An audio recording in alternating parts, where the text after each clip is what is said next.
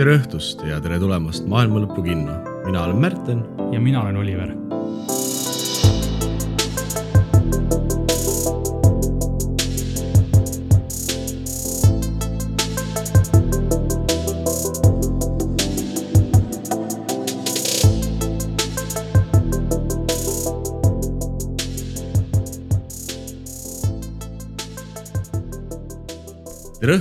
Kuulajad ja see, mis teie kõrvu nüüd jõudnud on, on meie uue podcasti Maailma Lõpu kino esimene osa. pilootide ja asjadega ei hakka teid vaevama, need jäävad võib-olla meie varasalve, mida me kindlasti tasulistele kuulajatele hiljem saame müüa. ei no pilootprojekt läks näitamiseks äh, ülemustele, kes tegelevad selle asja rahastamisega, ega piloot alati ei jõuagi ekraanile, selles suhtes on vaja on vaja ju äh, kõigepealt see maha müüa mm. -hmm. ega seda jama, põlluotsas tehtud jama ei näita kellelegi. ja me... nüüd, nüüd on see, mis läheb avalikkuse ette, nüüd kui on rahastus kätte saadud. meie, meie tohutu marketing tiim, mis meil siin kõrval seisab, äh, keelas meil lasta teile seda, mis me varasemalt meie suust välja tuli. ja vähemalt mitte enne, kui me oleme selle asja sündikatsiooni on ju müünud ja, ja saame mingisugused DVD ekstrat teha DVD peal audio podcast. no sest me ilmselgelt filmime ka seda praegu onju, tuleviku jaoks oh,. absoluutselt.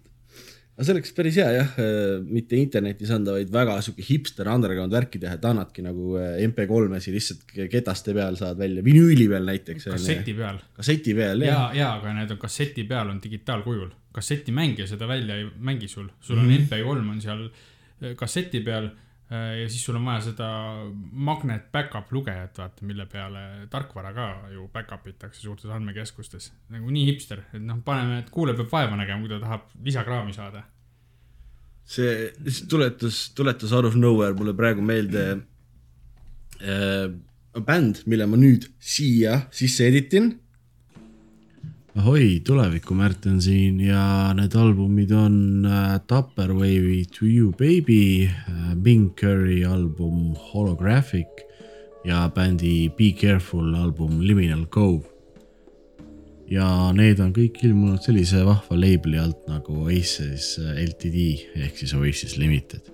et kes otsib Vaporwave'i taga, siis sealt saab. aga nüüd kõss tagasi minevikku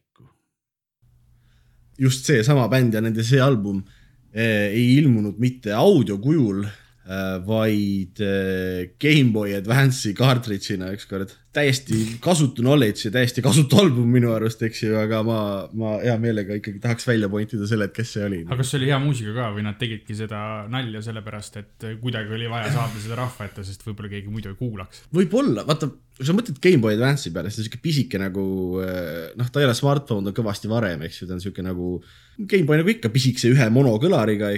Ja noh, ma ei tea, olgu see kui hea bänd tahes, kui see, kui sealt seda mõistlik kuulata on, siis noh, võib-olla see oli nagu hea, et nad teadsid, et on suht sitt, vaata, et nagu, et keegi ei saa aru, vaata, kui me laseme mingisuguse väikse audiokanali peal seda. aga Märtin, räägi, kes me oleme? kes me oleme? Eh, mina olen eh, Märten. ja mina olen Oliver ja me oleme kaks tüüpi, kellele meeldivad äh, filmid väga. Mida veidram, seda parem, ma julgen öelda, ma ei taha nüüd sinu eest rääkida muidugi, aga. kuigi noh, me ikkagi naudime mainstream'i ka päris palju, mis võib-olla järgmisest vestlusest välja tuleb mm. -hmm. võib-olla olekski paslik küsida, Märten, et mida, mida sa viimase nädala jooksul näinud oled, millest sa rääkida tahaks?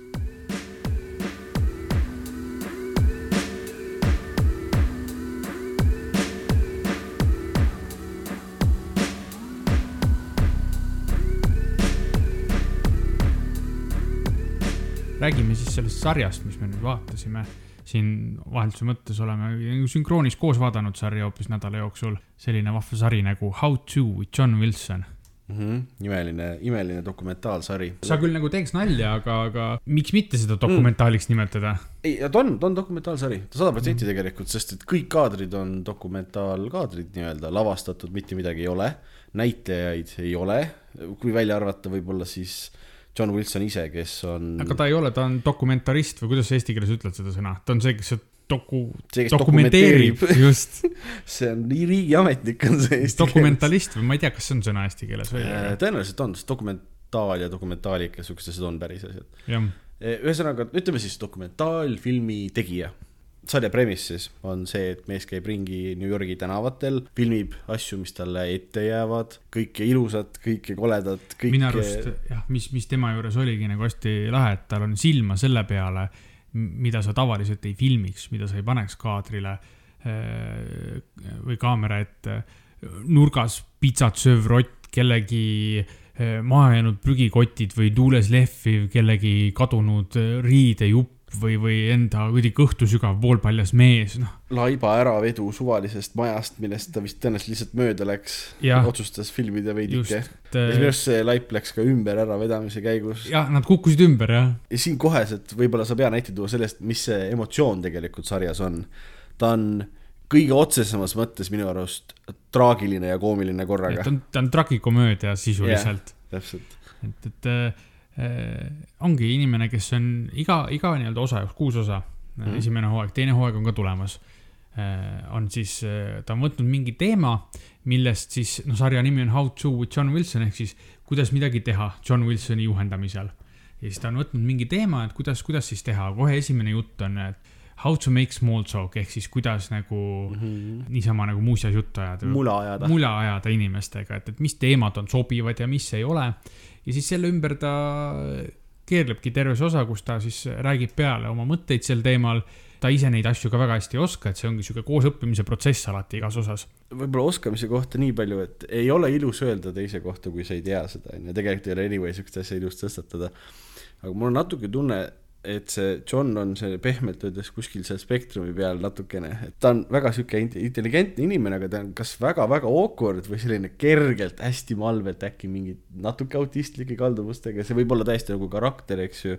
me ei tea seda selles mõttes, tea, ei tea isiklikult Johni, aga noh, sa kuulad teda ja ta on no ma siiski kaldun arvama, et ei ole, selles mõttes, et ma olen temaga mingid intervjuud kuulanud mm, -hmm. kus ta räägib oma sellest sarjast ja ikkagi see on natuke nagu peale mängitud sihuke tegelas, ta ongi nagu päris elus natuke sihuke, nagu sa ütlesid, sihuke awkward inimene. Aga ma arvan, et päris, päris hästi siiras, aga nagu spektrumi peale ta vist päris ikka ei jõua, et ta natuke mängib seda üle seal. seda, seda küll, ma just mõtlengi pigem, et võib-olla seda tegelast nagu, et ta ongi üle võimendatud, sest selline siiras, absoluutselt mitte rumal, väga intelligentne, aga no õrnalt sihuke lihtnemeelne, peaaegu nagu tulnukas, kes üritab nagu maailmast aru saada, et New Yorgi maailm, just. mis on New York, sellest siis aru saada New Yorgi tänavatel. jah, iga, iga osa on siis, kus ta nagu õpib, õpib mingit aspekti inimolemusest tundma, tihtipeale läbi nurga, mida sa üldse ei ootakski. Näiteks äh, teine osa seriaalist oli tellingutest, tellingus, mida kasutatakse ehitusel. ja mina isiklikult võin öelda, et mina esiteks see osa õppisin väga palju, näiteks miks New York on suure osa ajast peaaegu kogu aeg tellingute all, miks neid nii palju on, mis sorti neid on, kuidas neid tehakse. et, et kogu selle tragikomöödia sees, kus ta siis noh, kohtus inimestega ja rääkis juttu ja oli tegelikult hästi palju huvitavat informatsiooni ka, aga mm -hmm. see oli isegi kõrvaline, et, et lõppude kokkuvõttes see sari ise on nagu elamus. see korraga on see päris, päris naljakas siuksel deadpan, sihuke veits musta huumori nagu võtmes on ju. tihti musta huumori Ja- tegelikult, aga mitte nagu jälle üleliia, vaid selline nagu, ta ei ole morbiidne, ta ei ole morbiidne jah kunagi. aga samas. ta ei ole ka pahatahtlik kunagi tegelikult. jah, seda kindlasti mitte, ta on, seal on mingi siirus sees. Aga siis samal ajal sa nagu tunned ise kergelt ebamugavalt või, et või, või iga teine kaader me avasime, et vaatame üksteisele otsa ja mõtleme, et täitsa pekkis, see on nii veider, see on nii veider, aga samas ta on nagu lõbus.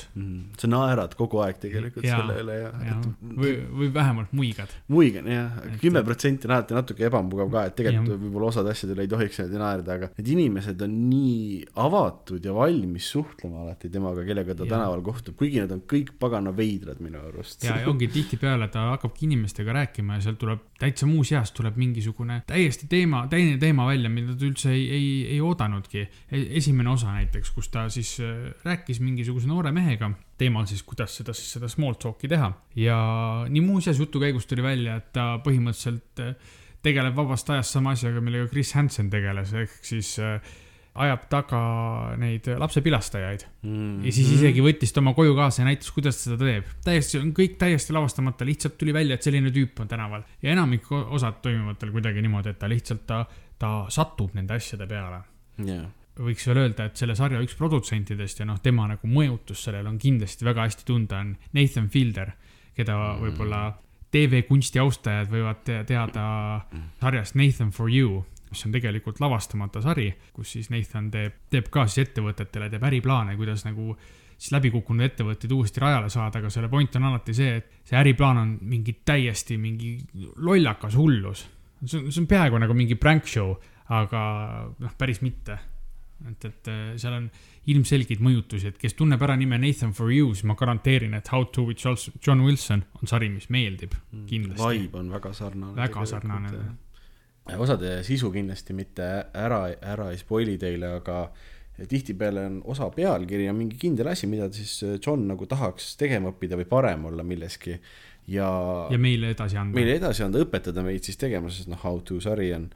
siis äkitselt see kõik võtab tihtipeale väga sellise nagu kurvi kuskile, ma teen siin käega seda üheksakümne, üheksakümmend kraadi liigutust praegu, et täiesti kuskile noh, vasakule äärde et mingi täiesti muu teema ja siis on natuke nagu seotud, aga see kõik nagu voolab ja sujub väga kenasti nagu see story siis ütleme. et sulle tuleb endale ootamatult, et mm -hmm. sa ei saanud aru, miks ja kuidas, aga sa räägid hoopis teisest teemast järsku, aga see kõik tundub loogiline.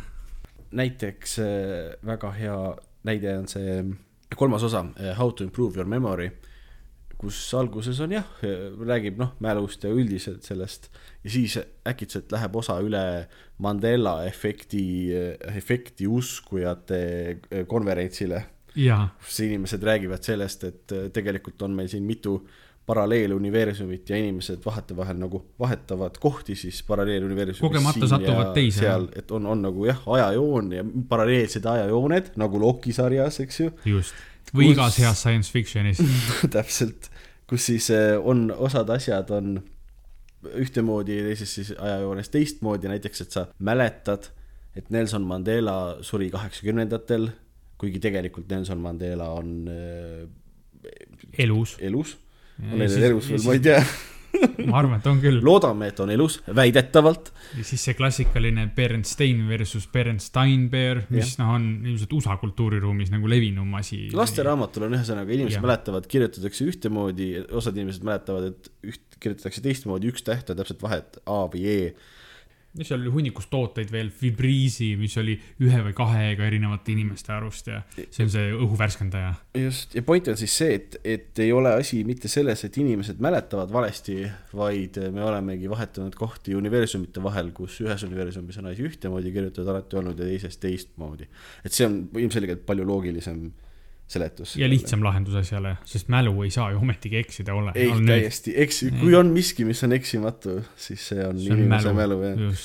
ning just selliseid nagu kõrvalekaldeid see sari väga palju teebki. ja lõpuks ta alati jõuab selle esialgse mõtte juurde tagasi. et miks see seotud on. just, ja, ja kuidagi nagu metatasemel mulle jälle sisusse väga palju ei lähe, sest kes tahab vaadata, siis kuidagi, kuidas see viimane osa järsku pööras lõpuks väga teise, teisele poole, sest et tegelikult filmimise ajal jõudis see pandeemia kohale mm. -hmm. kuidas see võttis selle mõõtme ja kuidas ta selles valguses võttis põhimõtteliselt kogu selle sarja kõik teemad kokku, oli minu arust kohe, see oli poeetiline ausalt öeldes et, et noh, milline kirssdokument, noh, dokumentaal on nii naljakas öelda selle kohta, aga ma ei oska aga seda, ma ei oska seda muud moodi kategoriseerida yes, lihtsalt, kui sa dokumentaal mõtled, siis sa mõtled ikka, mõtled midagi populaarteaduslikku või ühiskonnateadlikku või kus sa õpid midagi uut, et mm -hmm. see, seda ma ei paneks selle alla, aga ma ei oska seda muud moodi ka kuidagi liigitada. -hmm päriselt jah, õpib üllatavalt vähe sarja kohta, mille nimi on How to.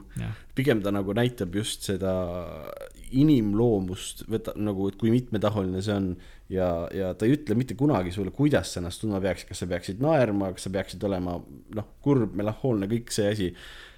Et ta ei ütle sulle kunagi ette seda, sa teedki siis nii-öelda omad järeldused või sa tunned siis täpselt seda, mida sa tunned, eks ju, sari annab sulle nagu väga nii-öelda noh, vabad käed selles vallas, eks ju yeah.. ma väga, selles mõttes ma väga-väga nautisin just seda siis tragikomöödiat, et ja. kindla peale soovitus sada protsenti, see on üks, üks parimaid sarju, mida mina olen see aasta näinud kindlasti.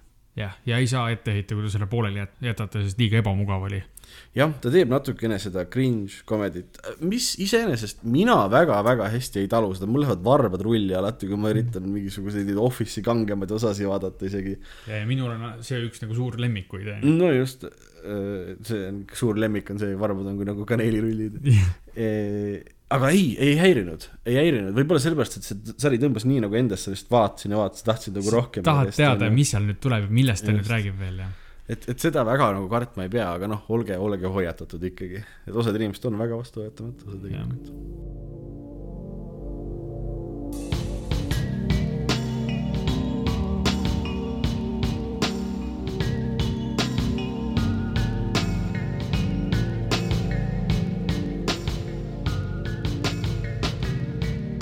Ma arvan, Oliver, et sa oled viimasel ajal jälle mõnda head filmi näinud. ma olen tõesti filmi näinud. et vaatasin hiljuti ühte Daniel Radcliffe'i äh, teost Mhm.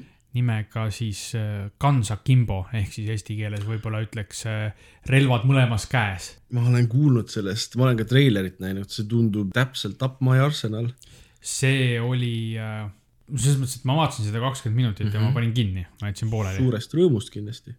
ei, muidu ma olen nagu olnud hästi suur Daniel Radcliffe'i fänn, noh muidugi millega ta kuulsaks sai, oli kogu Potteri saaga, aga ta hästi vahvalt äh, keeras äh, selle kõik enda kasuks, mitte ta ei jäänud mingiks tüüpnäitlejaks, vaid ta kasutas oma mõjuvõimu, läks, tegi Broadway etendusi kuulu järgi väga häid. Ja sealt edasi on ta teinud siukseid, siukseid rohkem siukseid indie-filme, mis talle nagu tunduvad nagu huvitavad projektid ja siis ma olen alati neid huviga jälginud, noh näiteks, mis mul kohe tuleb meelde, on, sa tahad midagi öelda? ei, ei, vabandust, ma tahtsin kohe te, te, vahele karjuda täiega enda lemmik Radcliffe'i filmi Swiss Army Man, ma ei tea, kas sa tahtsid sedasama praegu öelda? et, et huvitavad, huvitavad indie-filmid näiteks siis kaks tuhat kolmteist Horns ehk siis Sarved, kus hmm. väikelinnas tema tüdruksõber mõrvatakse, siis Radcliffe'i tegelase. tema on äh, siis, tema on pea, pea see kahtlusalune seal. ühel hommikul ta ärkab üles ja tal on sarved kasvanud mingil põhjusel. selles mõttes, et see, see ei ole nagu mingil muul viisil, see ei ole mingi fantastiline ega, ega mingi võlurit ega film ega mitte midagi. kõik on tavalised inimesed, tema on ka tavaline inimene, kellele kasvavad sarved ja nendega kaasnev võime siis inimestelt saada äh, ülestunnistusi. ja film seisnebki selles, et ta oma uue saatud võimega üritab siis aru saada, et kes tegelikult tema tüdruksõbra ära mõrvas.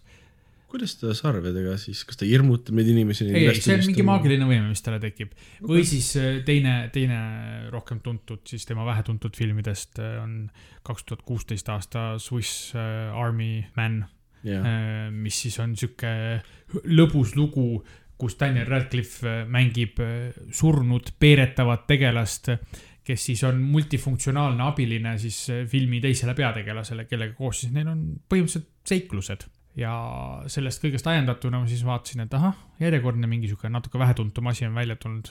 Guns Akimbo Daniel Radcliffe'iga. hakkasin seda siis vaatama ja algus tundus jube paljulubav, sest see oli tead mm -hmm. natuke nagu sihuke Death Race kaks tuhat. aga tänapäeva siis Twitch'i kontekstis loomulikult, kus äh, sul voogedastus toimub sellest, kuidas inimesed sõidavad autoga ja tapavad üksteist laivis ja, ja, ja midagi ei ole lavastatud ja, ja tundub vahva. meie peategelane siis Daniel Radcliffe'i mm -hmm. mängitud noormees on siis stereotüüpiline luuser, nerd, mingisugune programmeerija, kes istub kodus ja vahib ainult telekat ja, ja, ja. absoluutselt mitte meie, absoluutselt. täiesti teistsugune ja. siis äh, internetis seal trollib inimesi ja, ja, ja trollib trolle, nagu ta ise ütleb. mm,. kangelane. just, on sihuke klaviatuurikangelane ja trollib vales isikuid ja hoopis tullakse sealtsamast siis äh, sellest nii-öelda Death Race tiimist, no seal ei olnud selle nimi Death Race muidugi, midagi mm -hmm. muud oli.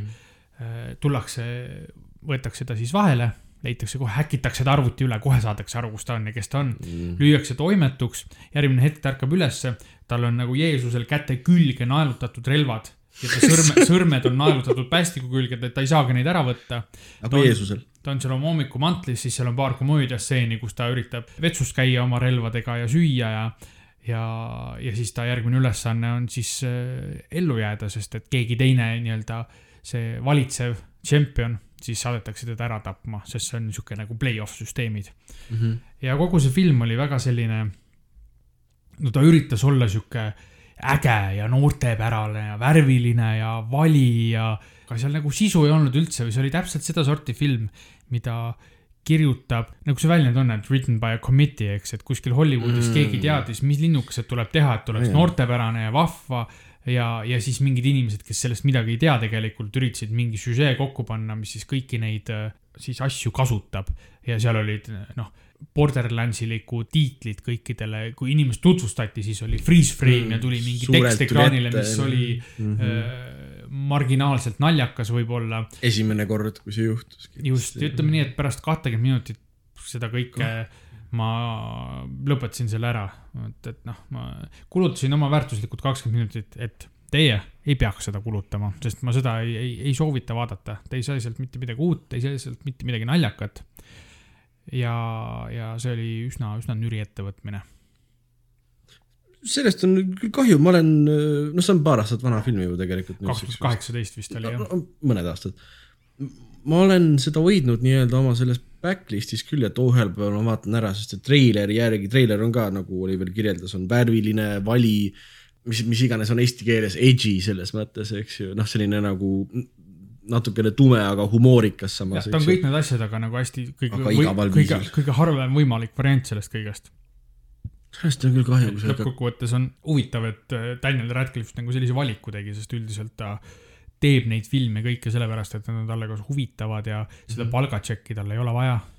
et, et ei pärast Harry Potterit tõenäoliselt mitte jah et, et äh, ma ei kujuta ette, miks ta selle projekti valis, aga ma ütleks, et see on üks nagu möödapanek. wow.. sellest on kahju, see kõlab täpselt nagu film, mis võiks olla just meie, meie kinos nii-öelda. just sellepärast ma ka seda tahtsin vaadata, aga mm., aga see ei osutunud selleks. nojah, siis me näeme mm, Daniel Radcliffe'i võib-olla selles kindlasti juhtuvas Harry Potter kakskümmend aastat hiljem filmis, kui mitte varem. võimalik jah, aga võib-olla rääkides rõõmsamatel teemadel. mida sina hiljuti nägid? mina, kes ma olen suur äh, horror-filmi taustaja, nagu sa kindlasti ka tead, Oliver, küsi, küsin esimese asjana, kas sa tead, mis asjad on slasher-filmid ja olen kursis jah. mm? -hmm. aga umbes, kui sa peaksid kirjeldama. ütleme, et see film keskendub siis sellele, pöörleb selle ümber, et on keegi tavaliselt noaga keegi vägivaldne mõrvar, kes siis kas mingis väikelinnas või asulas või võib-olla mingisuguses metsalaagris siis nii-öelda ajab inimesi taga mm -hmm. põhimõtteliselt ja mõrvab neid ükshaaval massiliselt ja siis need, kes on ellu jäävad, üritavad siis sealt kas pääseda või talle kuidagi vastu hakata, et põhimõtteliselt see on see mm -hmm.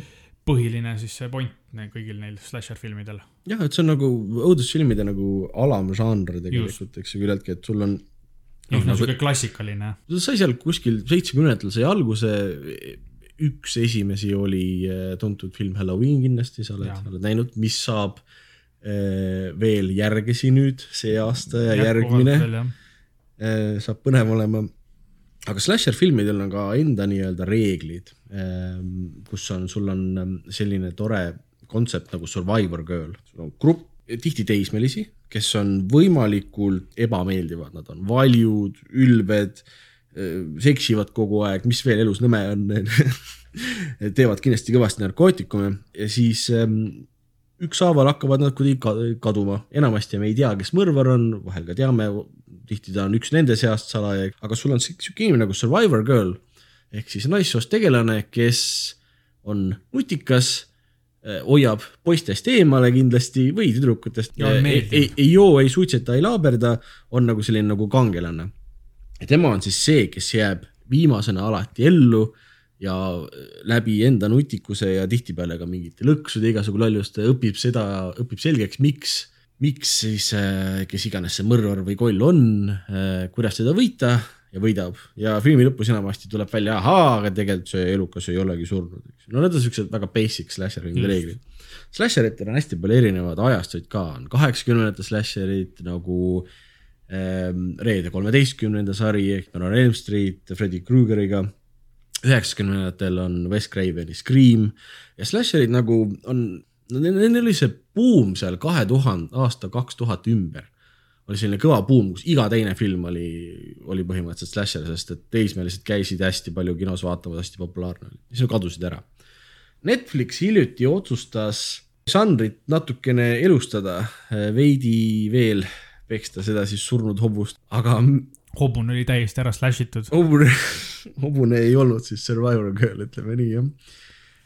Nad lasid välja filmide triloogia, üks film nädalas nimega Fear Street sellest ma, ma nimepidi olen kuulnud ja midagi kuulnud jah, et see on uus, uus õudustriloogia Netflixilt. mm. -hmm. ta, no selles mõttes huvitav, et tal on alapealkirjad ka aastaarvud on Fear Street tuhat üheksasada üheksakümmend neli, Fear Street tuhat üheksasada kaheksakümmend kuus vist oli ja siis äh, kõige spookim Fear Street tuhat kuussada kuuskümmend kuus. Number of the beast. tuhandega panid muidugi mööda Number of Jaa. the Beast'ist, aga mis No. sa teed? Äh, see on nagu üks äh, selline lugu põhimõtteliselt, mis hakkab pihta ja siis nad nagu räägivad, mis juhtus selle eelloona nii-öelda. ja siis kolmandas filmis nad räägivad nagu, mis juhtus eelloo eelloona põhimõtteliselt ja lõpuks see jõuab siis nagu ringiga meie aastasse üheksakümmend neli tagasi, et noh mis siis seal toimub. ma, ma olen aus, nad on meelelahutuslikud tõesti, mina vaatasin kordagi pausi peale ei pannud, selles mõttes oli tore, eks ju. Twitterit ei scroll inud samal ajal. ei scroll inud absoluutselt, vaatasin, vaatasin ekraani, aga nad saavad kolmandas osas hakkama põhimõtteliselt sellise suure twistiga, mis siis peaks oma nüüd tegelikult see tegelane, kes sa arvasid, et on see, on hoopis ahahaa, onju. ja võib-olla need halvad tegelased, kes siiamaani kogu aeg kõiki järjest mõrvanud on, äkki nad on hoopis head tegelased, kes teab äkki, äkki nad on hoopis need kaks öö, metsameest sealt öö, Dale and Tuckerist. jah, jah, absoluutselt, Tucker and Dale versus Evil väga, väga, väga hea film. ühesõnaga siis, kui twist juht-, twist juhtus, mina ei salli ebaloogilist twisti, mina muutun kohe pahuraks. koheselt muutusin pahuraks, võtsin taskust Twitteri, hakkasin niimoodi scroll ima, et vähe ei ole, telefon pidi põlema minema lausa. ja siis ma mõistsin ühte hästi huvitavat asja. Need on horror-filmid, aga need on nagu null nagu ühtegi õudset elementi minu arust ka ei olnud seal, no selles mõttes ja inimesi nagu tapeti selles mõttes ja puhuu. aga Nad ei olnud niivõrd horror, kui oli sihuke nagu. nad nagu üritasidki seda formulat põhimõtteliselt teha, vaata lihtsalt, et see peab nii olema, see peab niimoodi. ja siis ma sain lõpuks teada, miks, kui ma uurisin, et kes selle kõik kirjutanud on. see on R.L. Stein. see põhineb tema raamatutel, mees, kes kirjutas lasteraamatut Goosebumps. ta üritas vist teismeliste asja kirjutada, vaata. tundub nii, aga ei, päris ei küündinud. oi, oi, oi, selles vallas jah, ei äh,. mõtlesin korra, et äkki peaks soovitama, aga vot noh, tead, tahtsin lihtsalt südamelt ära rääkida, et aus, ausalt ütlen ausalt, on küll meeltlahutavad filmid, aga nagu päris nagu nii-öelda sihukest horror frantsiisi uut või midagi ei ole nagu absoluutselt oodata. õud-, õuduka fännidele pigem nagu ei maksa oodata siit erilist elamust ja. kui te olete vanemad kui kolmteist, siis ei ole võib-olla väga põnev tõesti.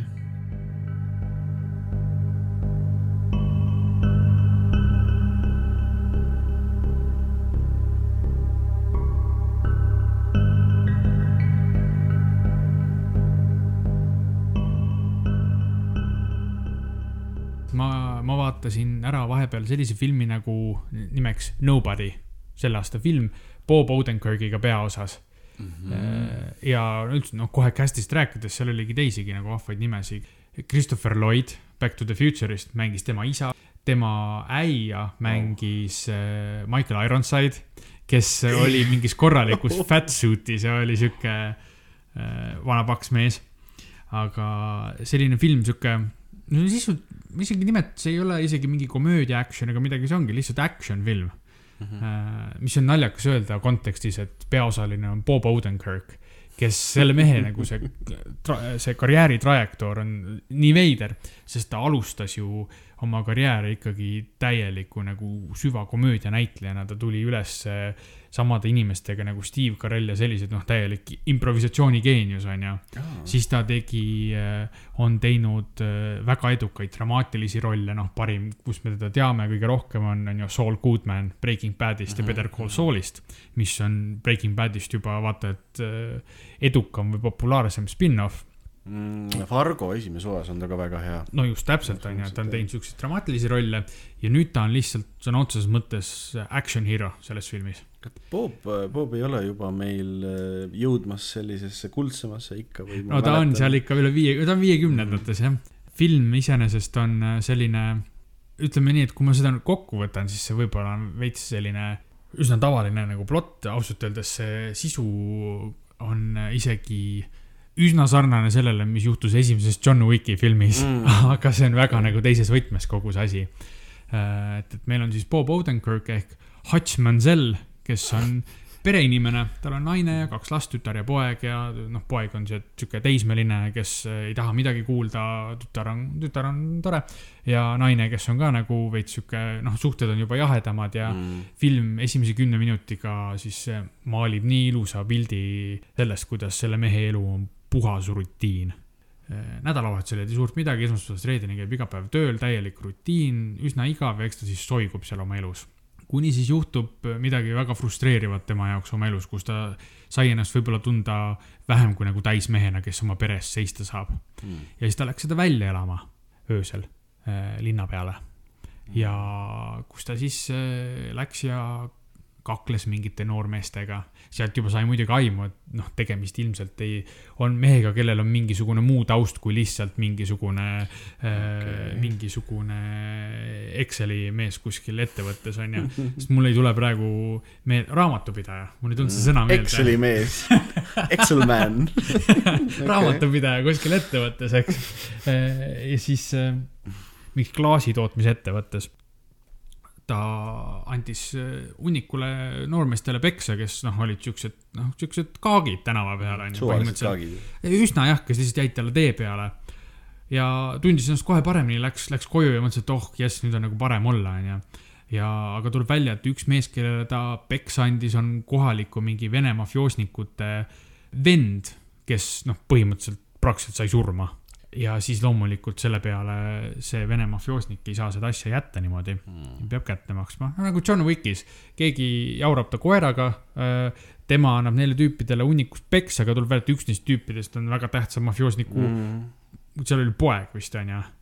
ja, ja. Classic, classic story, me jah. oleme näinud seda mitmes, mitmes kohas eelnevalt, isegi kodus ja võõrsil minu arust oli üks osa. väga võimalik ja rikkad ja ilusad tegid seda, see oli terve ja kolmeteistkümnenda hooaja põhiplotline oli minu arust see, kuidas Rich tuli välja, et on tegelikult endine, endine palgamõrvar onju Mm. ja siis keegi sutsas pruuki ja, ja siis tuli peksa anda, film, selles äh, sarjas Rikkad ja ilusad jah. mm. -hmm. Vaprad ja ilusad, õigus, õigus. räägib. Oliver meie taskuringhäälingus. vabandame selle Tiitori pärast nüüd, et siis äh, jah, ja no siis me saame teada natuke tema tausta kohta, et tegelikult tuleb välja, et ta oli omal ajal äh, nende siis äh, kolme, three letter agencies USA-s on need kolme tähega siis agentuurid, siis CIA ja FBI ja NSA ja mis nad on kõik, ta oli nende ülene mingisugune clean-up man, et kui neil oli vaja midagi teha, kas siis siseselt või midagi mm, -hmm. mis oli äh, ei olnud äh, rangelt võttes seaduslik, siis äh, tema tegi seda ja ta, ta sõna otseses mõttes tema nagu nimi nendes ringkondades oligi Nobody. ja tal oli täielik immuunsus kõigest, ta oli, ta oli nagu Kapten Ameerika, kui Kapten Ameerika oleks kind of Punisher. Et Vau. ta oli nagu kõrge moraalitunnetusega tüüp, kes äh, lahendas asju nagu Punisher. see, sorry, see, võrdlus, et Kapten Ameerika, kui Kapten Ameerika ei oleks Kapten Ameerika, vaid Punisher ehk siis Punisher. ei no, kui ta oleks Kapten Ameerika, siis lahendaks asju nagu Punisher aa, okei, okei, Pidasin jah, töötab valitsuse jaoks, gotcha. ja, ja ta nagu moraalitunnetusega ja nii edasi, aga okei, ta on hea tegelane siiski on see. ja, ja seda küll, ta on täiesti ja no siis ülejäänud film ongi tegelikult see, kuidas ta siis oma pere ära päästab ja siis nende mafioosnikutega tegeleb mm. -hmm. ja seal on hästi lahedat action'it on, see on, tegelikult on nagu lõbus, ta ei ole nagu ha-ha naljakas, aga ta on, selles mõttes vaatad seda ja sul on fun, sa elad kaasa ja noh, ta on, ta on nagu, ta on päris vägivaldne mm, -hmm. aga no mitte vägivaldne nagu äh, võib-olla, ma ei tea, viimased Marveli filmid, kus keegi, saad aru, et keegi sai ikka lõuga, aga seal on ikka nii, et, et noh, kui ta neid algul neid noh, kuut, kuute tüüpi peksis seal äh, tänaval, siis äh, ta ise võib-olla sai neist kõige rohkem viga selle asja lõpetuseks, et ta on nagu üsna verine ja sihuke realistlik samas siis, ma ikka. jah, ma hakkasingi sõna realistlik kasutama, aga eks seal on ikkagi noh, tegemist on action filmiga, kus üks neist on suur action hero. et seal realismil on piirid, aga ütleme nii, et kui John Wick oli sihuke gunplay porno on ju, kus seal oli hästi palju realismi, rõhuti sellele, et kogu see relvadega asi oleks nagu Jaa. realistlik, siis siin on, siin on rõhutatud realismile sellele, et kui sa ikka kaklema satud ja kellegi nuga ka veel on, siis mitte keegi mitte kuskilt sealt ei tule tervisega välja. jah, okei. äh, ja noh, lõpus siis äh, tuleb välja jah, et, et äh, kas siis võitsid või ei, seda peate ise vaatama mm. Mhm. -hmm. ja siis mainiks veel ära, et muidugi Christopher Lloyd, kes seal mängib tema isa, kes tuleb välja, on ka mingi vanakooli mingi mees, kes umbes ta on muidu nagu mingi, ta on üle kahe, ta on mingi kaheksakümne, üheksakümne aastane mees onju, keda ta seal filmis ka siis mängib. Sihuke vanadekodu mees, kes kahe sihuke sawn-off pumppüssiga käib ja tapab tüüpe ja, ja siis äh, kes, kes Christopher Lloydi nimi kohe midagi ei ütle, siis see on Doc Brown äh, Tagasi tulevikku filmidest. just, ja siis äh, veel üks üsna väike osatäitmine, aga mulle väga meeldis, minu arust on väga-väga sümpaatne näitleja, on, mängis Hutch Manzelli ehk Bob Odenkirki tegelase vend, eks ilmselt adopteeritud vend. tegelase nime ei mäleta, aga ta mängis äh, Riza. aa, nagu Wu-Tang Clani. Wu-Tang Clani Riza, kes äh, wow.. minu arust on teinud vahvaid siukseid väikseid rolle ja ta on, tal on paras segu sellest, et ta on hästi lahe ja ta on naljakas. aga ta on nagu naljakas, nagu karismaatiliselt naljakas, mitte nagu stand-up comic naljakas. noh, teine koht minu arust, kus temal on hästi hea roll, on filmis Mr Right, Sam Rockwelli ja Anna Kendrikuga, kus äh, Riza mängis äh, mingisugust ka mingit palgamõrtsukat, kes neid seal vahepeal oli neile vastu, vahepeal aitas, aga seal ta oli ka nii karismaatiline, et ta oli nagu peaaegu et selle filmi tipphetk minu jaoks. ja noh, siin filmis ta tegi ka väga mõnusa sellise väikse rolli kusjuures Ri- Risa on, ta on ju peale selle, et väga-väga häid soundtrack'e ilmselgelt teeb filmidele ja asjadele, ta tõesti ilmub aeg-ajalt välja näiteks äh, selle Jim Jarmuši selle suuremas see Dead Don't Die Bill Murray ja nendega, jah, kus on ka, alguses tundub, et tal võib suurem roll olla, aga tundub selline nagu hea jutuga mingi postiljon ja oh, sihuke. ta on alati vend, Sihuke pull vend, ta, ta on lihtsalt, ta on lahe. Mm, just, ja siis mõtled, et oh, lahe, see tuleb peategelane, siis järgmises stseenis on põhimõtteliselt tüüp on zombi, lastakse maha. aga noh, ta teeb väikseid rolle, aga see ongi see, aga löövaid. väikseid ja löövaid ja lõpus nad tunnevad, et mm, tahaks veel. Mis on ilmselt kõige parem, kõige hullem on see, kui sa teed oma rolli ära, pärast mõeldakse, et seda oleks võinud vähemaks lõigata. jah, tõsi, see on jah, ja nagu meie mölinad pärast siit podcast'is on ju. seda pean mina hiljem äh, vähemaks lõikama. aga ma ei saa, sest kõik on kuld, kus sa lõikad, kullast ei lähe ükski käär läbi, kurat. kulda saab hammustada loll. aga Aus. Äh, ühesõnaga tasub vaadata, see on, see on hea film, see on teie aega väärt ja äh, ainult poolteist tundi, mis mm. tuleb välja, on tänapäeval asi, mis ma, ma olen nii harjunud, et kui ma filmi vaatan, siis mm. ma Mhm. arvestan, et mul on kaks tundi või rohkem kinni, sest et see on see standard umbes tänapäeva vähegi suuremal filmil. aga see on ilus, kompaktne, poolteist tundi, millega ta oma loo ära räägib ja, ja lõpus rahuldust pakkuv äh, see noh, lõpp sellele mm. -hmm. Nii et soovitaksid siis põhimõtteliselt kõigile ja kindla peale, väga hea. Mr Nobody või Nobody, kumb ta oli? lihtsalt Nobody, kaks Nobody tuhat, kakskümmend üks film, Bob Odenkirkiga, vaadake. vaadake.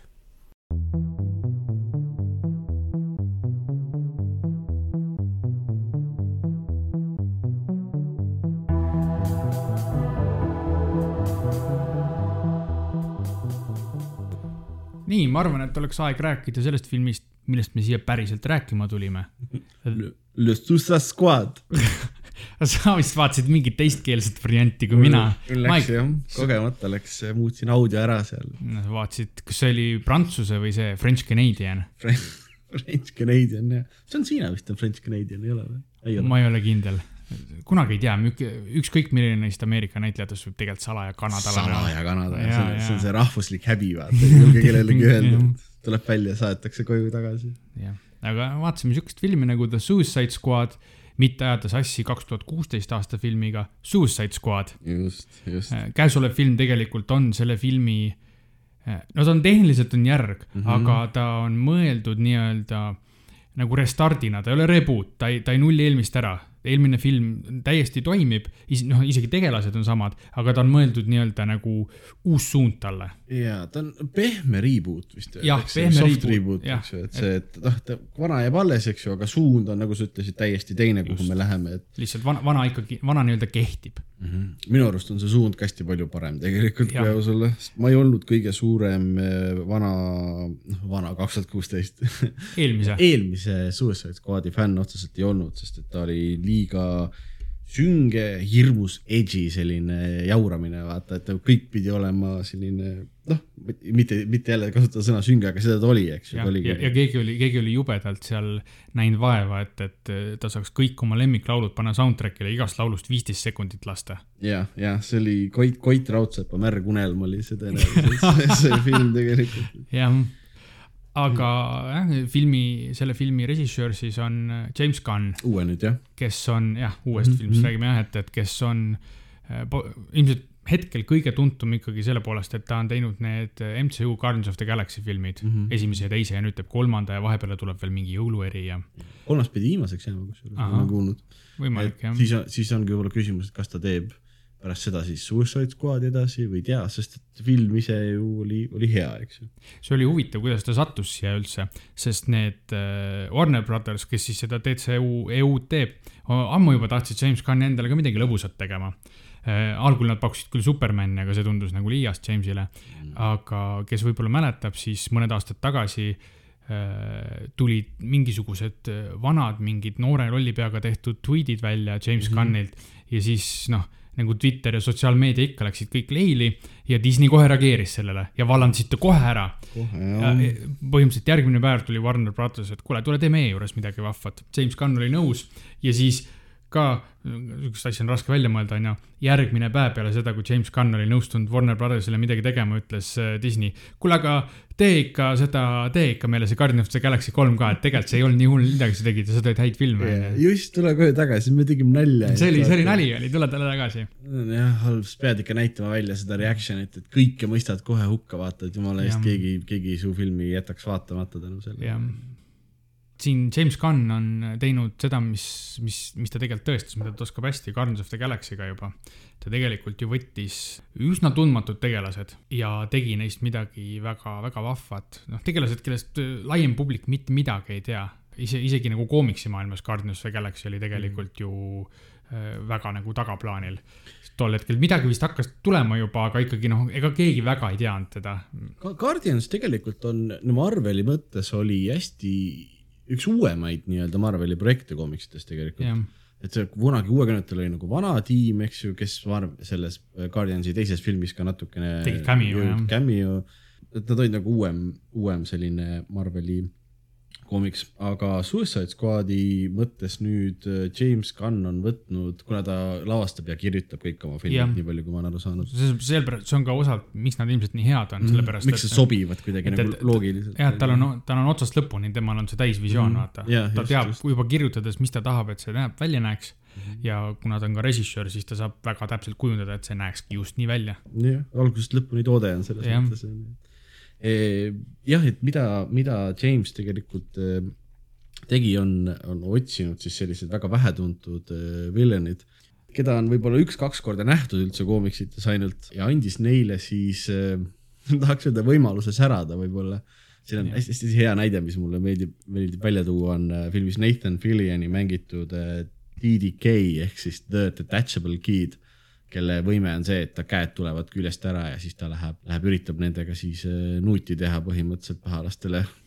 see ongi tema see imeline supervõime. täiesti absurdne, eks äh,, muidugi jutu alguses me unustasime mainida, tuleks ära mainida, kui te seda asja kuulate, siis me eeldame, et te kas olete seda filmi juba näinud või teid mm. ei huvita, et me filmi põhimõtteliselt kõik põhiasjad ja lõppu või mis iganes siin ära spoil ime yeah.. kui jah, võib-olla plotti ette ei jutusta, siis sellegipoolest me arutame eeldusega, et, et me ei pea tagasi hoidma ennast. Spoil, spoilereid tuleb ja seda teist optsioonit väga palju ei soovitaks, et, et kui teid film ei huvita, et ärge vaadake.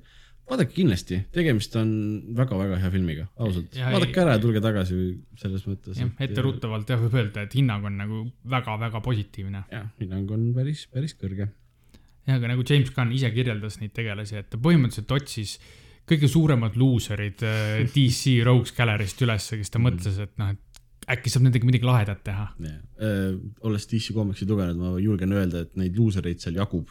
Nii et on järgedeks on potentsiaali päris kõvasti. aga ta suutnud nagu lahedad luuserid leida. Või võib-olla siis leidnud need luuserid, kelle, kes annab nagu lahedaks kirjutada hea näide Polkadot Man minu arust, võib-olla yeah. räägime temast korra, et, et ähm, mees on, ma ei mäleta, kas ta oli Batman'i villain või kes iganes, aga koomikites ta on lihtsalt valges kostüümis mees, kellel on äh, kleidimuster, mummud on peal, ta tulistab neid mummusid äh, kellegi pihta filmis need on muidugi, need on happemummud. ta sõna otseses mõttes polkadotte, polkatäppe mm -hmm. tulistab inimeste suunas. see naiivne muster, mis nende nõukogude sooda, sooda nende tinnide peal oli, vaata mm. -hmm. sa oled näinud, et põhimõtteliselt need on tema kostüüm. aga tuleb välja, et need on sihuke inter, interdimensionaalne viirus, mida ta peab siis kas välja tulistama või välja oksendama, et ta ise otsa ei saaks.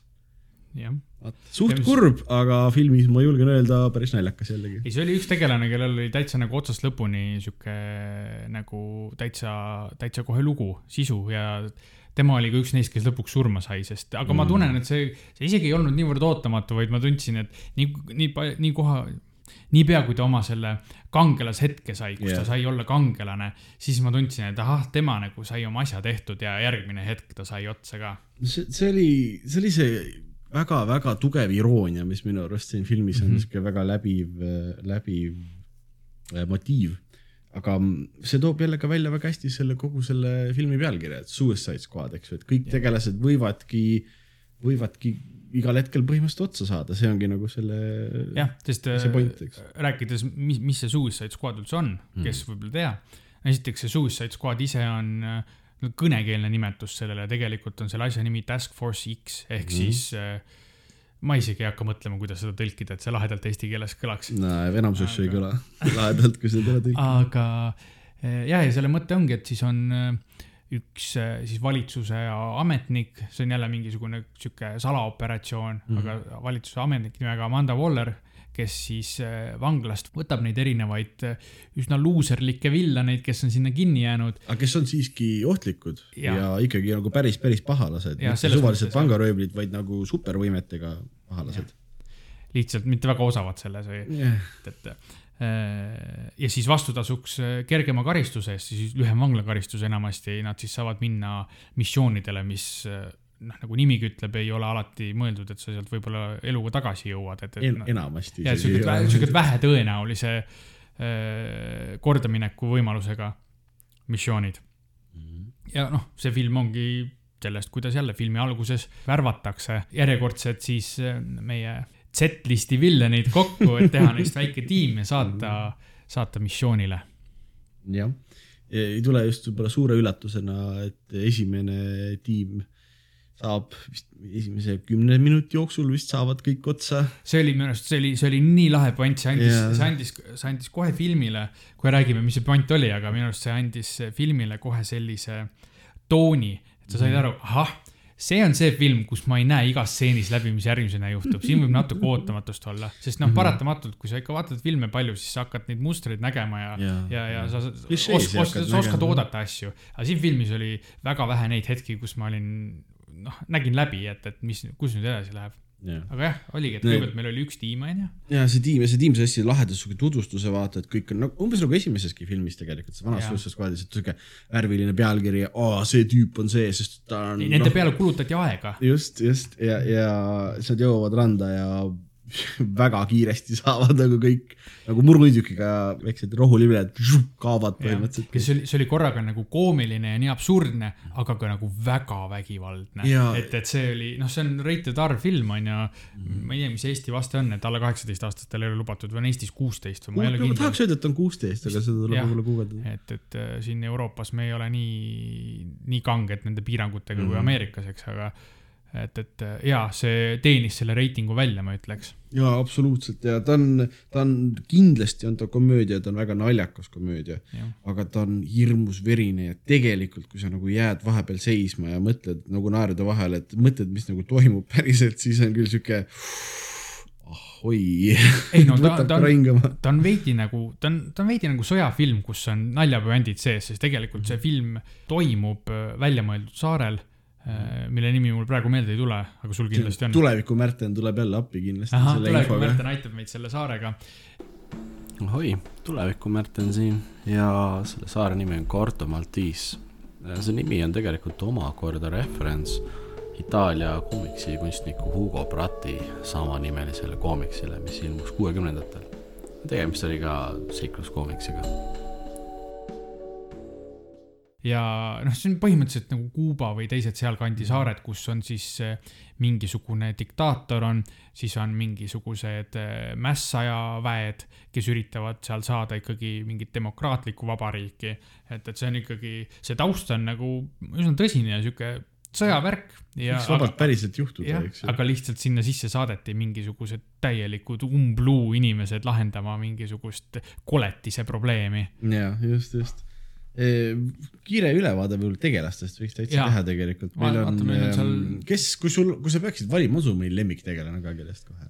ausalt öeldes äh, mulle päris meeldis äh, Nanuatu ehk Mm. King Shark ja Jaa., ja tegelikult ka John Cena mängitud Peacemaker oli mm. -hmm. oma täielikus jobuduses väga nauditav. John Cena muidugi seni ka veel, aga suuresti endine WW wrestler Mm -hmm. mängis sisuliselt täielikku wrestling'u tegelast ja oli riides ka umbes nagu wrestling'u ja tegelane. sinna kirev, eks ju, see oli kirev ja läikiv ja suur ja õline. täpselt suur õline kirev ja läike suure õlise püssiga.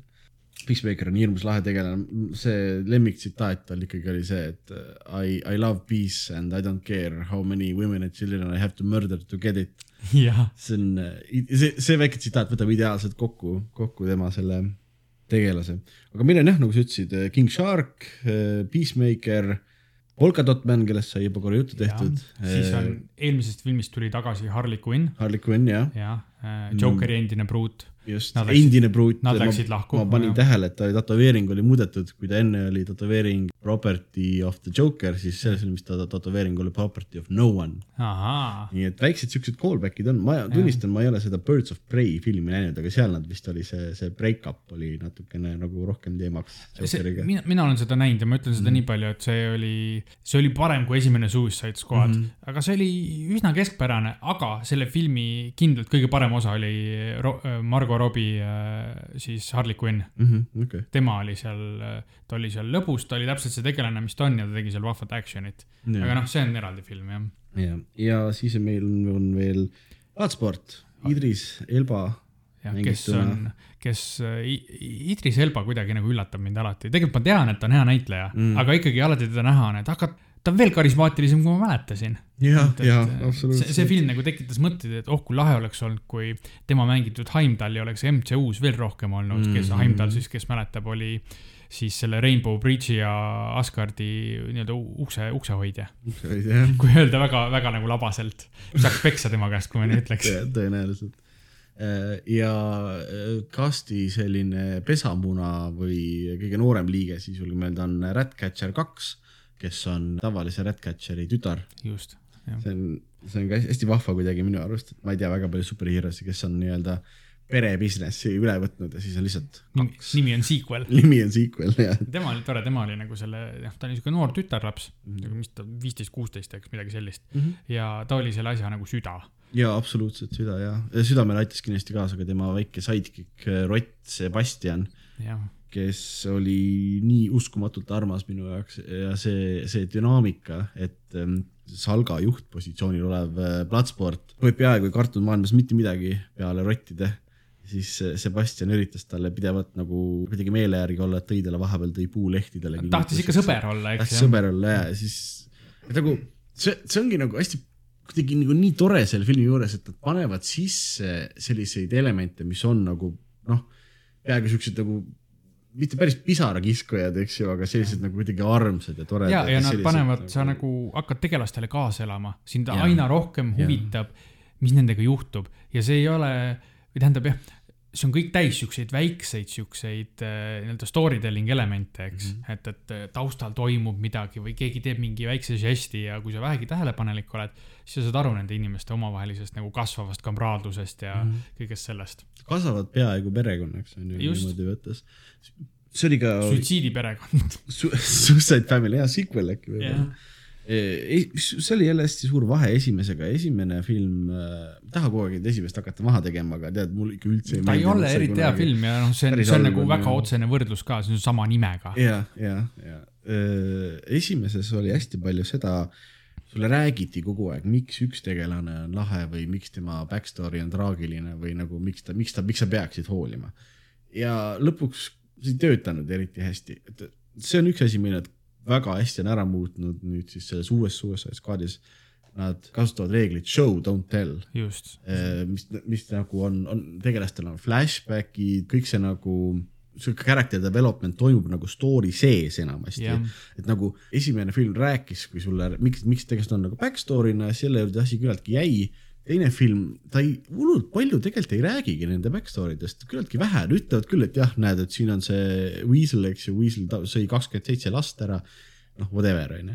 Ja ja Polka Dot Man samamoodi, tal on emaga mingi psühholoogiline mure, aga nagu sa saad nagu teada selle kõik, selle, seda kõike ja see nagu süveneb süžee mõttes eh, siis filmi käigus, mitte sulle ei öelda alguses, miks sa peaksid hoolima, vaid film näitab sulle, miks need tegelased on toredad, miks sa, miks iga kord, kui keegi neist otsa saab, sulle päriselt ka korda läheb. jah, ja sa tahaksid, et oleks veel veidi. jah, absoluutselt, et see on nagu üks hästi suuri plusse minu jaoks nagu, et see ja sealjuures minu arust eh, nende backstory dega on jube hästi oli tehtud eh, ka veidi nalja selle üle, et tegemist on mingite sellist villanitega, kes eh, võib-olla ei ole kõik kõige originaalsemad, kui film tutvustab Mhm. meie eh, Idris Elba plaatsporti, seletades, et tegemist on igipõlise sõdalasega juba väiksest saati, ta isa õpetas teda ellu jääma, kaklema, relvadega võitlema, iga asi tema käes on ohtlik relv plaatspordile tutvustatakse John Cena tegelast Peacemakerit, kus siis öeldakse, ta on väiksest saati õppinud võitlema relvadega, ellu jääma. iga asi tema käes on surmav relv, mille peale plaatsport küsib. aga see on täpselt see, mida mina teen, mille peale tuleb vastus yes, but better. näiteks filmi parimaid nalju, aga et, et ja see John Cena mängib imeliselt, tahaks öelda peaaegu armastusväärset douchebag'i lihtsalt, ta on täielik vänt, aga sa tahad natuke tema poolt aga olla. tahaks miskipärast tema poolt olla, ta on nagu selline äh, wrestlingus ehk maaduses oleks see äh, comedy heel. Ehk siis äh, sihuke nagu kovakäpast pahalane, kes on nagu enda arust on küll sihuke suht evil ja tead, uh, kõik kardavad mind, eks ju, aga nagu tegelikult rahvas lihtsalt ei andke talle üks võit ikka ka, come on no,, las, las ta, ta, las ta jaurab, vaata, ta on lahe vaata. noh, aga filmis muidugi John Cena Peacemaker on uskumatult pädev tegelikult oma jaa, selles tapmises. ta ei ole. ei, absoluutselt mitte, ta on täielik mõrvamasin. ja selles mõttes jaa, noh, kõik see, niisugused mõrvamasinadega osavad nad on, tuleb tegelikult välja nendest äh, läbivatest action seenidest, mis Mhm. on, tegemist on ikkagi jällegi superkangelaste, noh, nad super antikangelaste filmiga. jah, et, et peab action'it ka saama ja ütleb nii, et see on, on tasemel.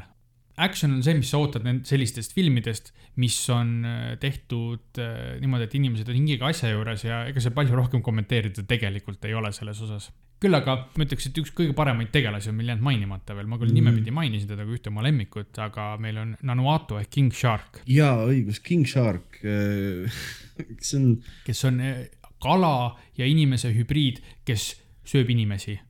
just, ta on sihuke, ta ei ole päris kannibal, siis ta on pooleldi kannibal, vaata, pooleldi on okei okay,, kui ta pooleldi hai on. jah, ta on väga arengupeetusega ei taha nagu öelda, ta on eh, võib-olla mitte peetusega, ta on nagu veits valesti arenenud. vähem, vähem intelligentne, aeglasem Jah. natuke natuke aeglasem, aga see-eest isukam ja selle eest veel, mis kõik teeb seal heaks, tema häält teeb Sylvester Stallone ise. Ja tema häält ja Sylvester Stallone isiklikult. vahepeal tehti hirmsasti palju selle peale nalja, et Sylvester kõlab natuke nagu tal oleks olnud eh, veits insult. et Jah. nagu ka eh, Nanuatu ehk King Shark kõlab eh, filmis natukene nagu ta oleks siukse hai jumala ja siis Itaalia maffiabossi selline järglane põhimõtteliselt. ja ta on, ta on siin nagu selline, lapsik. jah, aga see, see on naljakas, see on naljakas äh, sõna, mida kasutada, arvestades, et tegemist on komöödiaga, aga ta on isegi selle komöödia kontekstis nagu sihuke comedic relief. jah, et, et äh, tihtipeale nagu punchline, aga ta on sihuke nagu südamlik, ta on ka täiesti selline tegelane, et lõpuks elad talle kaasa mm, Mhm. -hmm. sest ta reaalselt areneb tegelasena. algul ta tahab kõiki teisi mm Nahka panna. nahka panna, aga siis tuleb ikka väike vestlus, et nad on su sõbrad või pere üldse, neid võib-olla ei söö. saab aru, et sõpru ei sööda ja saame sõpradeks, eks ju, et see, see on hästi tore jälle tema puhul. hu-, huvitav jälle trivia fakt, et siin on tegemist äh, selle suure valge haiga, onju, noh, nii-öelda klassikalise haiga, ja, aga originaalis on tegemist üldse, ma ei teagi, mis see eesti keeles see nimi on, hammerhead shark, aga see hai, mille pea on põhimõtteliselt ja, sihuke lapik ja silmad on seal nii-öelda tiibade otstes mm. mm. -hmm. Aga siis filmimise käigus leiti, et äh, jube raske on stseene niimoodi teha, sest sa pead hästi kaugelt filmima, sest muidu sa ei saa aru, kuhu ta vaatab või kellele otsa. ja siis see nagu jäi ära. Vau, lahe. igal tegelasel on enda selline mm, takistus või mingi asi, mis nagu elus väga teda tagasi hoiab, eks ju. Et King, King Sharki puhul on, on see see, et ta on üksildane, ta ei sobitu, vaata, ta absoluutselt, noh, tegemist on äh, teksapükstes tohutu haiga, kes üritab osasid oma sõpru ära süüa vahepeal, sest et ta lihtsalt näljane, nom-nom, onju. kui sa nii ütled, siis tegelikult selle filmiga saab tõesti paralleele tõmmata äh, erinevate mingite keskkooliteemaliste filmidega, kus äh, punt noori saavad kokku seal äh, mis iganes äh, peale tunde jäämise klassiruumis, kus kõik on tegelikult, kui sa tundma õpid, on kõik, noh, inimesed, neil on põhjused, aga kõik on omal mingil veidral viisil kuidagi nagu Mhm. nii-öelda teen jutumärke ühiskonna normist nagu teised, eks yeah,, jaa, et siin on tegelikult samamoodi, et tegelikult on kokku saanud eh, supervõimetega ühiskonnale jal, jalgu jäänud lapsed, kes peavad nüüd lahendama probleeme. mm..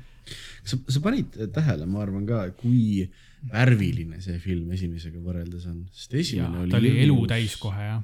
oli, ta oli nagu, esimene film oli hästi sihuke pruun ja sünge ja noh, nagu, nagu ikka on, toimus Rentslites enamuses ka vist.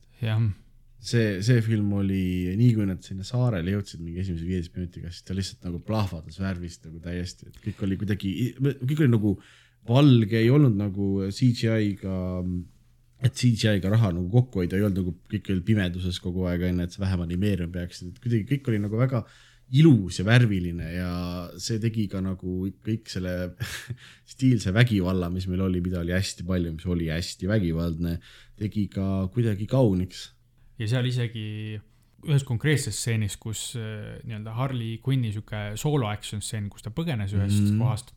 See läks juba veits isegi sihuke psühhedeelseks, et seal tõesti läks see Suicide Squad kokku klassikalise Disney printsessi filmiga, kus ta seal jällegi väga veriselt ja vägivaldselt tappis päris palju neid diktaatori toetajatest sõdureid mm -hmm. ja taustal seal äh, lendasid äh, värvilised lilled laiali, lilleõielehed ja liblikad lendasid ja linnud siristasid ja siutsasid ja ta oli see, Disney see... printsess. just, ta oli Disney, Disney printsess oli kokku pandud Harley Quinni ja, ja rõveda vägivallaga, aga jällegi see nii erinevate žanrite nagu ristumine tekitas mm, -hmm. no see oli lihtsalt väga huvitav oli, vaatad seda ja mõtled, et noh, et sihukest asja ei näe palju, et, et noh, originaalne. see oli, see oli vist jah Harley peas nagu suuresti, ma kujutan ette, see, mida nad väljendasid. Üsna tõenäoliselt, sellised, aeg-ajalt olid sellised montaažid, kui, mis nagu tunduski, et pooleldi, pooleldi see, mis sa näed ekraanil, ongi nagu Harley peas ettekujutus. Ma vaatasin hiljem uuesti korra seda ja hästi tore on see, kuidas need linnud, kes seal ringi lendasid, alguses lendasid Harley'ga kaasa. siis, kui ta nagu kõiki mõrvama hakkas ja siis vere asemel nagu nii lilli inimestest välja tuli, siis need linnud hakkasid nagu seinte taha peitu pugema tema eest ka nagu siuke, et teised linnud nagu siuke nope hoiame igaks juhuks eemale ja. siis ta istus taksosse ja takso aknast filmituna oli näha, et toas veel oli kõik nagu lilleline ja natukene taustal lendles, et see, ma kujutan ette, siis oli mis iganes veresoolikate pilv põhimõtteliselt seal majas, eks ju. Et see on nagu kuidagi nagu oskuslik filmi tegemine ja läbi, kõik on nagu läbimõeldud ja igal element, igal elemendil on oma ju. koht, onju. jah, et see nagu on läbiv minu arust ja see näitab, kui hea filmitegija minu arust James Gunn on tegelikult. tal on noh, muidugi jah, on inimene, kellel on otsast lõpuni selge visioon ja ta teab, kuidas Mhm. seda täide viia. Muidugi jah, ei maksa unustada, eks, et äh, režissööri taga ja filmi taga seisab meeletu produktsioonitiim on ju, kes kõik seda visiooni täide viivad, aga noh, seal James Gunn kaptenina on ülimalt pädev, et teha sihukest asja, mis on originaalne. ja see on hea, seda, tuleb vaadata. tuleb jah ähm,, ära mainida võib-olla tahaks seda ka veel, seda mm, James Gunni äh, venda, Sean Gunn, kes mängis mitut eri tegelast, mängis Weaselit, see on siis see pool inimene, pool nirgi olend, kes sai kohe filmi alguses kiiresti otsa. hästi kähku jah, ja teine tegelane, tal nagu äh, on, mängib ka vanglas Calendar Man'i tuleb välja. nagu Ah. siukse nimi võib-olla ei ütle eriti palju just äh, inimestel, kes ei ole äh, koomiksitikas väga nüüd sina peal, aga, mina mäletan seda tegelast äh, sellest äh, kas esimesest või teisest äh, Arkami se- seeria Batman'i mängust, sest jaa. temal, temaga oli see vahva easter egg, et kui sa lähed õigel kuupäeval tema juurde, noh mingil Mm. tähtpäeval, jõulude ajal või uuel aastal või ma ei tea, valentinipäeval siis tal on mingi spets, mingi repliik, mida sulle öelda. mm. -hmm. ta oli, oligi jah, sarimõrvar, kes siis tappis inimesi äh, vastavatel aeg, aeg, aegadel ja kuupäevadel ja Sho- Sean äh, No ma oletan, et kui sa väljas- päriselt filmi ka panna vaata ilma et nagu ta peaks mingisugune nirk või asi olema. Aga Sean, tegelikult tal, eks tal on ju roll peaaegu vist igas asjas, mida James Gunn, ta vend mm. -hmm. teeb. tihtipeale ta roll on näiteks seal äh, Guardians of the Galaxy's ta oli see siis motion capture person äh, äh, Rocket Raccoonile Jah. ja stand-in siis äh, seal äh, kohapeal võtteplatsil ja noh Mm. mm., siin, siin samamoodi. ta oli siis Nirk ja noh, tal on ka päris rolle, ka MCU-s ta mängis seda Kraglini, kes Aa, oli jaa. jo- Jondu parema käe mees ja just, just, just. Kes hästi kuulsaks sai nende CGI tegelaste mängimisega, oli see Andy Serkis, kes Just. on hullult hea näitleja ka niisama tegelikult., et tundub, et Sean Gunn liigub ka sinnapoole, et jah, tegemist on mehega, kellel on tegelikult hästi-hästi hea komöödiatunnetus, mm -hmm. sest mina tean ka teda sarjast, mida ma olen veidi olen näinud, sest mu abikaasa on suur fänn, on Gilmore Girls. Ja seal oli ta nii-öelda iga, iga, igas osas põhimõtteliselt puändiga tegelane, kellel igas osas oli uus töökoht ja siis selle kohta oli mingisugune lühike tseen ja puänt, aga ta oli alati nagu meeletult naljakas. aa, Okei, mina, cool. ennekõike sain teda tundma sealt ja et, et Mm. tore on teda näha tegemas suuri asju mm. -hmm. et noh, tegemist on hästi hea komöödiatunnetusega mehega tegelikult, just sihuke füüsiline komöödia sealjuures. Mhm. ilmselt ka mille pärast on ta hästi hea siis motion capture äh, näitleja. väga lahe. Nüüd räägiks võib-olla pärast seda veidi Troomast, aga kas me anname mingisuguseid hindeid ka oma põhifilmile, võib-olla mida oleme näinud, et inimesed teaksid, kui, kui hea see meie arust siiski on jah, ma arvan, et võib-olla mingi skaala ku- kujuneb ajapikku, mm? -hmm. aga võiks kas tuleb eri asju katsetada ilmselt? jah, aga nüüd on küsimus see, et äh, kas me tahame olla nõmedad ja teha komakohtadega või me teeme nagu täismehed kümnepallisüsteemis. mm,. ma küll päris täismees ei ole, aga mulle kümned pallid süsteemid meeldivad jällegi, nii et lähme ikka sellega. no s- kümnepallisüsteemis ma annan sellele tugev kaheksa. tugev kaheksa, vägev. ma olen väga, väga kiu-, kiusatus on suur, et sellele ka tugev kaheksa anda, aga sellepärast ma seda teengi, see on tugev kaheksa. seda ma ei oodanud.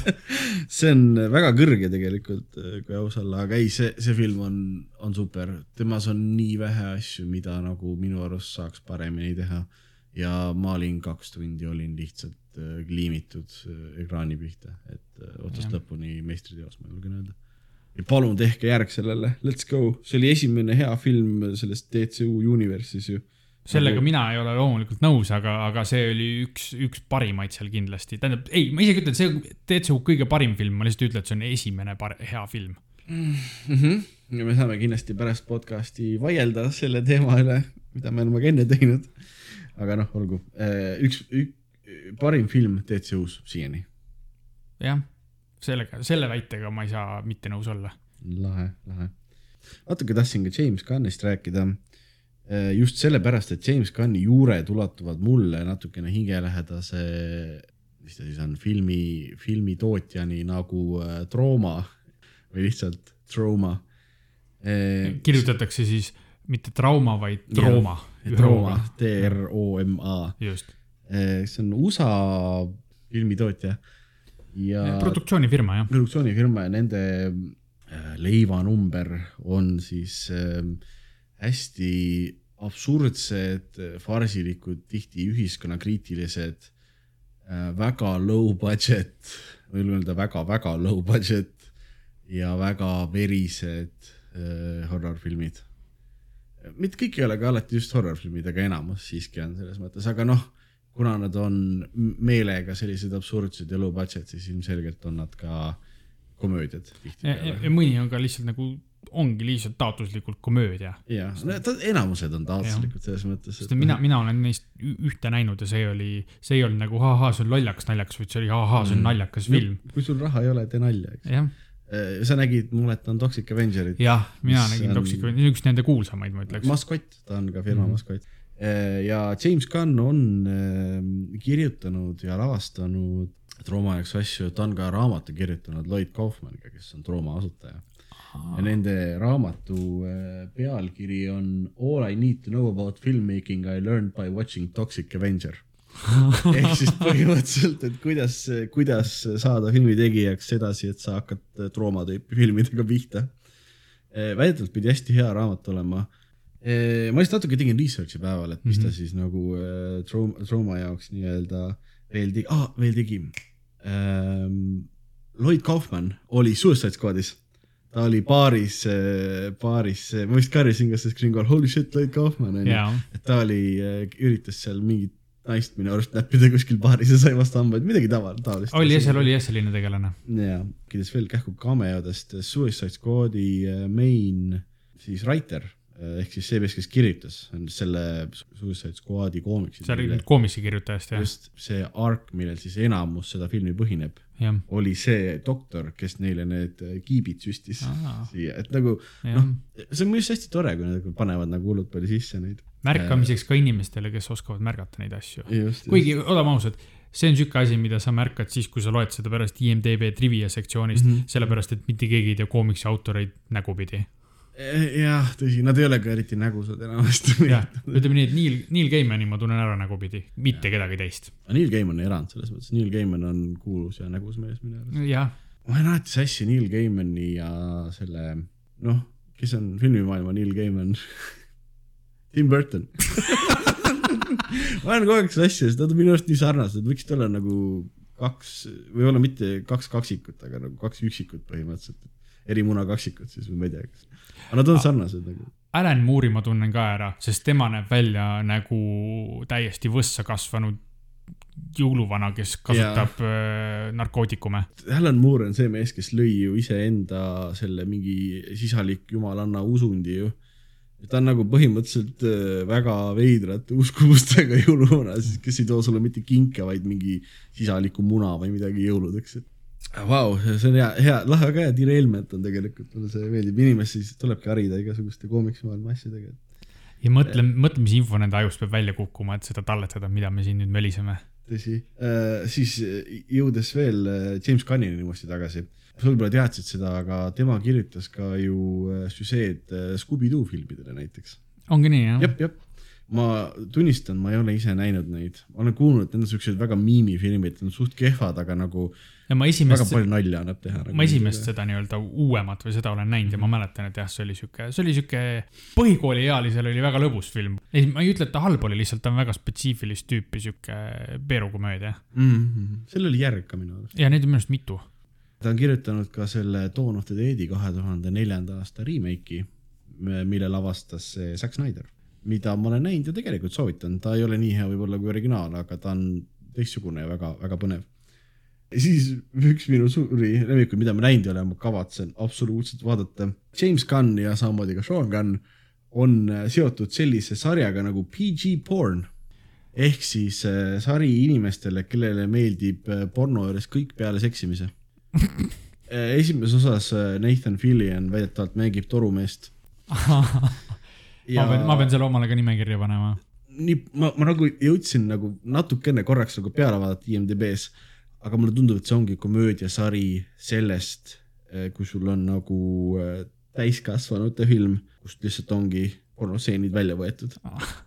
Et see täi-, kõik see insanity ehk siis, mis see Jaa. nagu set-up on umbes selles, selles mis, mis lollusi nad peavad äh, välja mõtlema, et yeah. mingis uues kohas ja uues asendis seksida. no suht, just täpselt, et miks see torumees juba viiendat päeva siin on, et et jälle asi, mida vaadata kindlasti. Trauma juurest natuke tagasi jõudes, siis Traumal on selline äh, maskotitegelane peale siis Toxic Avengeri nagu Sergeant Kabukiman, Mhm. kes on siis äh, täpselt see, mis te kuulete, ta on New Yorgis töötav politseinik, kes on ka Kabuki näitleja kogu aeg, mitte nagu öösiti või midagi, vaid nagu kogu aeg, ta on sihuke väga Jaapani paroodia, ta on noh, sihuke samurai selline ähm, ülim meetodnäitleja. jah, üli, ülim meetodnäitleja ja neil on äh, ka selline ähm, see äh, Charles Sergeant Kabuki Man NYPD-st on siis film nagu ikka ja sellest on ka Christmas'i mingisugune pisike spetsial äh, välja lastud, kus äh, James äh, Gunn, mille, mille James Gunn on lavastanud. selle nimi on Sergeant Kabuki Man's Public Service Announcement ja James Gunn peale lavastamise mängib seal ka IMDB väitel vähemalt äh, tegelast, kelle nimi on Insane Masturbator. see kõlab nagu tegelane Yakuusa mängust. see kõlab küll veidike jah, vabandust, Yakuusa mängust. Yakuza mängust jah. tundub, et James Gunn on, mis ta veel tegi, Slitheri tegi näiteks ja noh, mu jutu tegelikult niimoodi kokkuvõttes point on see, et Ja- James Gunn on oma filmitegija siis oskused ja need hambad nagu saanud tegelikult hästi värviliste hästi-hästi leidlike ja leidlike sellepärast, et vajadus lihtsalt oli, raha ei olnud, aga filmi tahtsid teha. leidlike ja hästi naljakate ja irooniliste filmide, filmi tegemisega. minu arust kõik need oskused särasid tegelikult väga läbi selles Suicide Squadi filmis. jah, sul on täiesti õigus, et, et jah, see on, see on, see on aastakümneid saadud oskuste kulminatsioon. Mm. Mitte nüüd, et öelda, et see on tema magnum opus või parim, mis ta on teinud, ta teeb veel kindlasti veel paremaid no, asju, aga lihtsalt on selge, et, et siin on tugev kogemus taga mehel, kes teab, mida ta teha tahab ja mm. kuidas seda teha. et see filmi tegemise stiil, seda ei anna nagu õppida kuskilt raamatust või millestki, sa pead olema nagu käteni mudas kogu seda asja, nagu sa pead elama, hingama nagu filmi tegemist. ja siis sa saadki midagi sellist, mis on jah, leidlik ja värviline ja kõik need head asjad, mida me tegelikult tahame filmis näha kõik need asjad, mida see kuradi esimene Suicide Squad ei olnud, mille kirjutas tõenäoliselt kaksteist ülikonnas vanameest kuskil neid bokse tikkides, et okei okay,, Harley Quinn on valmis olemas ja nii onju jah, Suicide Squad väga,, väga-väga hea. tekkis see traumaga seoses üks idee veel. nüüd äh, iga järgmise meie epis-, podcast'i episoodi jaoks plaanin ära vaadata ühe trauma filmi ja siis teha sulle väikese ülevaate ja kokkuvõtte sellest, et äh, väljendada sulle ja kuulajatele seda, kui imelised ja vaimuhaiged need filmid kõik on. nii et äh, soovige, soovige edu mulle. ja mulle siis, mina pean selle info pärast vastu võtma selge, aga mul on hea meel, et te tulite ja kuulasite meid ja kohtume maailmalõpu kinos varsti jälle. paari nädala pärast, kui kõik hästi läheb. tänan kuulamast, mina olin Märten. ja mina olin Oliver. ja kena õhtut. Mitte nii kähku, poisid, te unustasite öelda, et meie Gmaili aadress, kuhu meile saab kirjutada ja joonistada, on maailmalõpukino at gmail.com ning samuti saab meid leida ka nüüd Instagramis, kui te meid follow da soovite. ja seal on meie nimi Maailma Lõpukino podcast. nüüd on küll vist kõik, kuna tundub, et minul tuleviku Märtenil on au meie pilootsaade lõpetada, siis ma kasutaksin siinkohal oma suurima iidoli Reet Linna surematuid sõnu igast Prillitohi saate lõpust. elame veel